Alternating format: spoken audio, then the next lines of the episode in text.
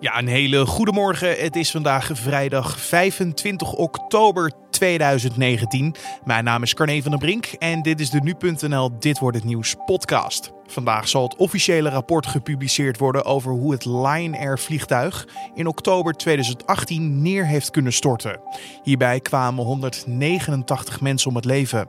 Het zou gaan om technische fouten, maar ook door menselijke tekortkomingen. Alleen hoe heeft het zover kunnen komen? En zie je ook tegenwoordig uh, sommige landen, sommige maatschappijen bij de opleiding van vliegers. Dat moet ook sneller en goedkoper en wordt dan ook beperkter. En dat is niet handig, want de vliegtuigen worden juist ingewikkelder. Je hoorde luchtvaartdeskundige Benno Baksteen. Met hem gaan we straks verder praten over dit onderwerp. Maar eerst kijken we naar het belangrijkste nieuws van nu. De organisatie van de Vreugdevuren in Scheveningen wil de komende jaarwisseling meerdere en kleinere brandstapels bouwen op het strand.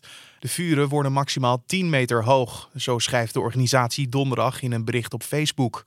Waarnemend burgemeester van Den Haag, Johan Remkes, stelde vorige week dat de stapels maximaal 10 bij 10 bij 10 meter mogen worden. Dit was een advies van de brandweer en daar lijkt de organisatie van de Vreugdevuren nu gehoor aan te geven. Bij de voorgaande jaarwisselingen voerden Scheveningen en Duindorp een strijd om de hoogste stapel. Met het hanteren van een maximale hoogte verdwijnt dit jaar dan ook het wedstrijdelement. Uit een vernietigend rapport van de Onderzoeksraad voor Veiligheid bleek begin oktober dat de gemeente Den Haag tijdens de afgelopen jaarwisseling tekortschoot in het handhaven van de vreugdevuren. Daar zal nu extra op gelet worden. Het aantal vakbondsleden is in de laatste twee jaar met ruim 100.000 afgenomen. Dat meldt het Centraal Bureau voor de Statistiek deze vrijdag. Eind maart waren 1,6 miljoen mensen aangesloten bij een vakbond. En dat is het laagste aantal sinds 1988. Vanaf 2009 is er al sprake van een dalende trend. En vergeleken met 2017 is het aantal vakbondsleden met 6% gedaald. Uit een eerdere enquête van het CBS en TNO bleek dat de helft van de werknemers die geen lid zijn van een vakbond ook nooit heeft overwogen om lid te worden. Dit zou vooral voor jongeren gelden. PSV heeft in de groepsfase van de Europa League het eerste puntenverlies geleden. Thuis tegen Lask Lins bleef de ploeg van trainer Mark van Bommel steken op een 0-0. Ondanks het puntverlies blijft PSV wel koploper in groep D met 7 punten uit 3 wedstrijden. Verder heeft Feyenoord ook zijn tweede uitwedstrijd verloren. De Rotterdammers gingen donderdag in Zwitserland met 2-0 onderuit bij Young Boys. En door dit verlies staan ze momenteel in de ranglijsten op de laatste plaats. Maar AZ heeft donderdagavond een indrukwekkende overwinning geboekt. De Alkmaarders wonnen in Den Haag met 6-0 van FC Astana. En nu staan ze op een mooie tweede plaats in de pool. De zittende president Evo Morales heeft in de eerste ronde van de presidentsverkiezingen in Bolivia genoeg stemmen verzameld om de verkiezingen te winnen. Morales mag aan zijn vierde termijn beginnen, maar zijn tegenstander Carlos Mesa accepteert de uitslag niet. De Boliviaanse kiescommissie maakte donderdagavond bekend dat na het tellen van bijna alle stemmen in de eerste ronde er 47,7% naar Morales zijn gegaan en 36,51% naar zijn tegenkandidaat Messa. De Verenigde Staten, Colombia, Argentinië en Brazilië hebben donderdag gezamenlijk opgeroepen tot transparantie bij het tellen van de stemmen in de Boliviaanse presidentsverkiezing. Er heerst namelijk al dagenlang onrust in Bolivia.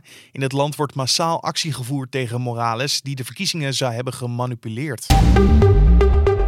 Dan kijken we naar het gesprek van deze podcast. Oftewel, dit wordt het nieuws. Mechanische problemen en fouten in het ontwerp zouden hebben bijgedragen aan de crash van het vliegtuig van de Indonesische luchtvaartmaatschappij Lion Air in oktober van vorig jaar. Bij het ongeluk kwamen alle 189 inzittenden om het leven. Daarnaast zou er ook te weinig kennis zijn geweest over hoe sommige systemen in het toestel werken.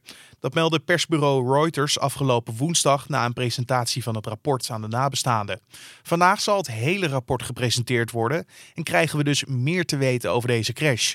Wat wij nu al weten, dat vroeg ik aan luchtvaartdeskundige Benno Baksteen. Er is best wel heel veel bekend. Hè. Er is bekend dat een systeem wat Boeing had ingebouwd, het beruchte MCAS-systeem, daar uh, kuren vertoonde. Het is ook bekend dat de bemanning dat niet herkend heeft. dat kon de bemanning ook niet, want die wist niet dat het systeem erin zat. Dat is ook een van de verwijten aan Boeing, dat ze daar geen informatie over hebben gegeven. En er waren ook problemen met het systeem in de voorgaande vlucht. En er is onderhoud aan gepleegd. En de vraag is of het onderhoud ook wel goed is geweest. Dus we weten best wel vrij veel. Ja, en als we kijken nu naar die softwarefout, uh, kunt u in begrijpbare taal uitleggen wat er dan mis zou zijn? Ja, oorspronkelijk was het een nieuwe vliegtuig met grotere motoren, had iets andere vliegeigenschappen dan zijn voorgangers. En dat werd dan gecompenseerd met software dat in bepaalde situaties die eigenlijk bijna nooit voorkomen, wordt dan de neus van het vliegtuig een beetje naar beneden geduwd, waardoor de krachten voor de vliegers hetzelfde zijn als bij de eerdere generaties vliegtuigen van die 737. Dat was de oorspronkelijke gedachte, maar in de ontwerp is dat steeds krachtiger gemaakt, dat systeem, waardoor het eh, sterker zou kunnen worden dan de vliegers. En dat is niet erg als je het af kan zetten en als je weet dat het erin zit, maar dat wisten de vliegers niet. Uh, vervolgens werd het systeem ook opgehangen aan één enkele sensor. En dat is eigenlijk heel vreemd voor zo'n krachtig systeem. Dan wil je meerdere sensoren, zodat je fouten in de sensor kunt opsporen. Nou, dat was dus allemaal niet gebeurd. En er kwam dus een fout in de sensor. En dat systeem werd actief. En de vliegers konden het niet redden. En dat is dan ook het lastige van dit ongeval. Want er zijn in feite dus twee dingen fout gegaan. Een materiële fout, maar dus ook een menselijke fout? Nou, een ongeval heeft bijna altijd meerdere oorzaken die samenwerken en met een fatale uitkomst. En dat is hier ook het geval geweest. Um, als je kijkt waar ligt in eerste instantie de meeste verantwoordelijkheid, dan denk ik dat is bij Boeing, want die heeft dat systeem ontworpen op een achteraf, kunnen we makkelijk zeggen, onverstandige manier. En ja, de vliegers konden daar dus ook niet, geen weet van hebben dat dat systeem erin zat. En konden dus ook niet goed reageren. Kijk, het, vak van vlieger is niet direct, dat kan je op een gegeven moment wel. Het vak van vlieger is het oplossen van problemen. Zorgen dat je niet verongelukt als er iets kapot gaat. Maar dan moet je dus wel weten dat zo'n systeem erin zit. Wil je er goed op kunnen reageren. En het is heel makkelijk om dan te zeggen: de vliegers hebben het verkeerd gedaan. Ja. Maar ja, ze wisten ook niet dat het systeem erin zat. Dus het is een, combinatie. Uh, daaronder ligt overigens misschien toch wel een gemeenschappelijke oorzaak. de veiligheid is nooit absoluut. Veiligheid is altijd een compromis. Dus je hebt altijd te maken met uh, kosten en tijd enzovoorts. En dat compromis is ook niet erg als het maar deugt. En wat je hier dus ziet is aan de kant van Boeing, daar hebben toch kosten en tijdsdruk uh, voorrang gekregen. Dat gebeurt eigenlijk altijd als je niks doet. Hè, want kosten en tijd kan je meten. Maar veiligheid, zeker als iets al zo veilig is als luchtvaart, is bijna niet te meten. Dus ja, dan krijg je die kosten en de, en de, de tijd krijgen de overhand. En hetzelfde zie je ook tegenwoordig uh, sommige landen, sommige maatschappijen bij de opleiding van vliegers. Dat moet ook sneller en goedkoper en wordt dan ook beperkter. En dat is niet handig, want de vliegtuigen worden juist ingewikkelder. Ja, want als we kijken naar een breder verhaal, hè, als het gaat om crashes, in hoeverre kunnen piloten dan echt zo'n crash voorkomen?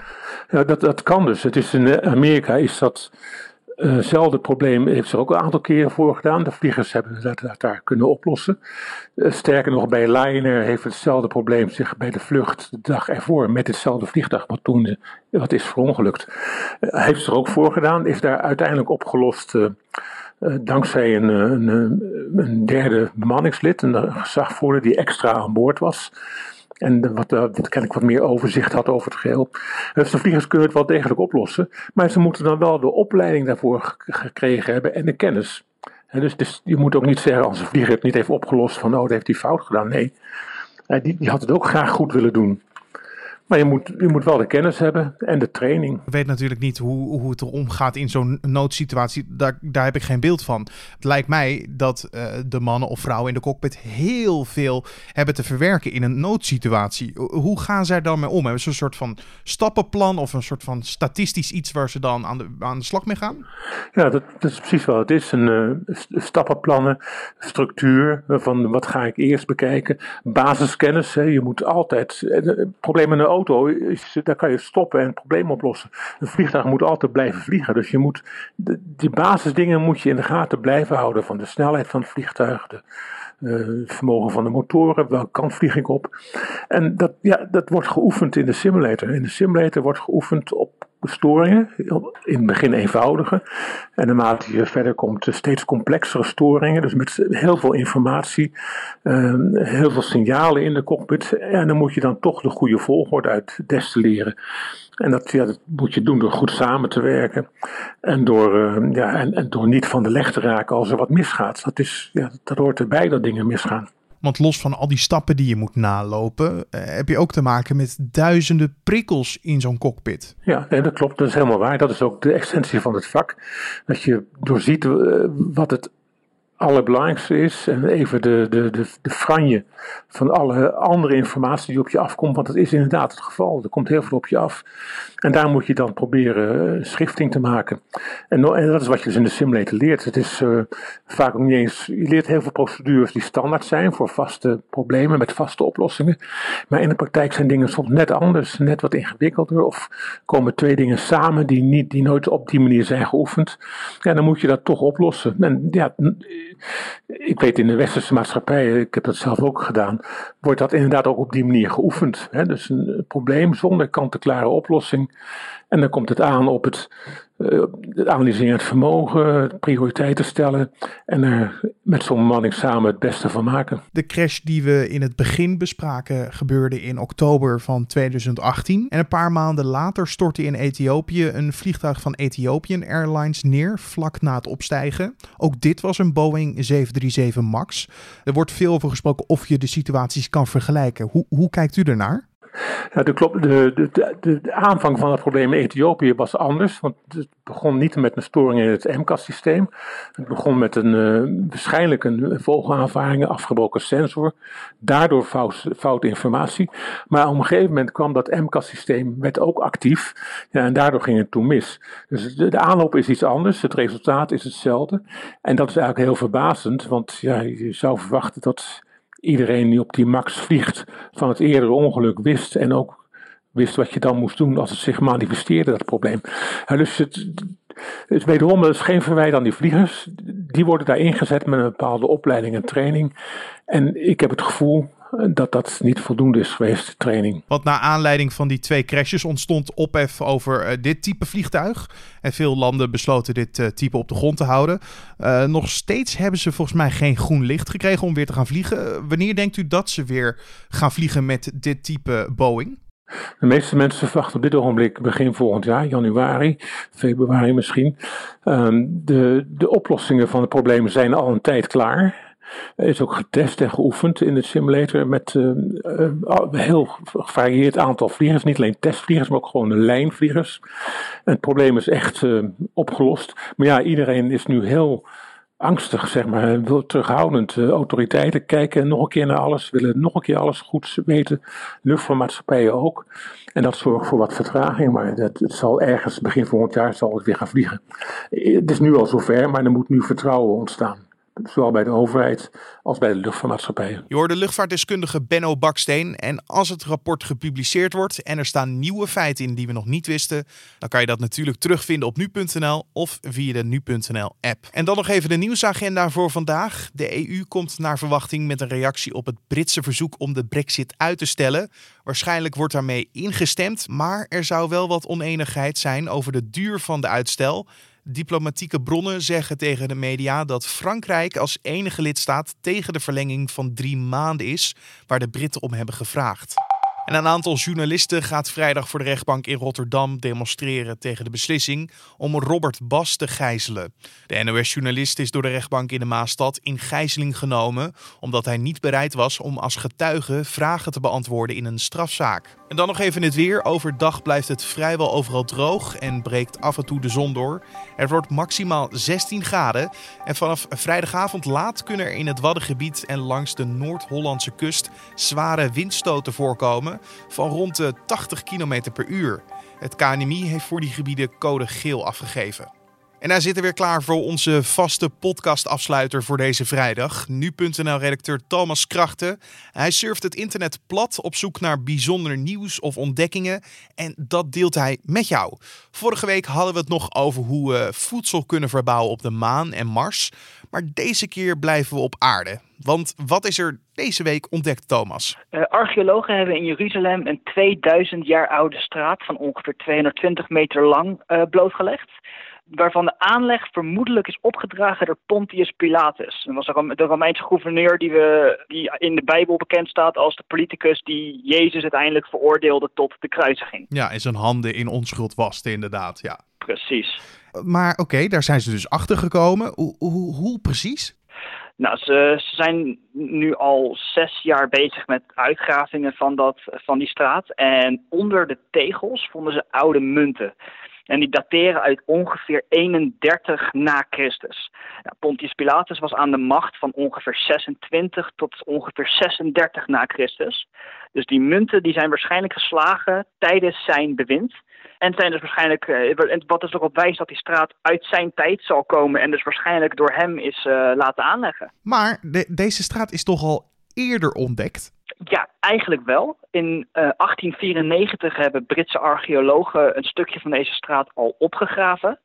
Uh, en in de laatste jaren hebben ze dus die, uh, die uitgravingen doorgezet en zijn ze meer onderzoeken naar gaan doen. En weten wij waarom deze straat is aangelegd door Pontius Pilatus? Vermoedelijk is hij aangelegd voor pelgrims. Hij loopt namelijk van de Heilige Tempelberg, hè, waar tegenwoordig de klaagmuur staat. Ehm, naar de vijver van Siloam. En dat is een vijver die waarin de, waar volgens de Bijbel Jezus een, uh, een blinde man zichzelf liet wassen, waardoor hij opeens weer kon zien. En waarschijnlijk heeft Pontius dus die, die straat tussen aanhalingstekens nagelaten om uh, de bewoners van Jeruzalem tevreden te stellen of uh, misschien om, uh, om zijn naam toch wat bekender te maken voor grote bouwprojecten. Maar waarschijnlijk is het dus een, een, een was het gebruikt dus uh, door pelgrims. En dankzij een paar munten weten wij nu dus de geschiedenis van een bijzondere straat in Jeruzalem. Dankjewel, nu.nl-redacteur Thomas Krachten. En dit was dan de Dit wordt het nieuws podcast voor deze vrijdag 25 oktober. Je kan de podcast elke maandag tot en met vrijdag vinden op de voorpagina van nu.nl of gewoon in je favoriete podcast app. Je kan ons ook helpen met een recensie in iTunes. Gewoon heel simpel een geschreven reactie achter te laten hoe je de podcast vindt. Of je kan 1 tot en met 5 sterren achterlaten. Zo help je namelijk de podcast beter te vinden voor anderen. Mijn naam is Carne van der Brink. Ik wens je een hele fijne dag, een mooi weekend en tot maandag.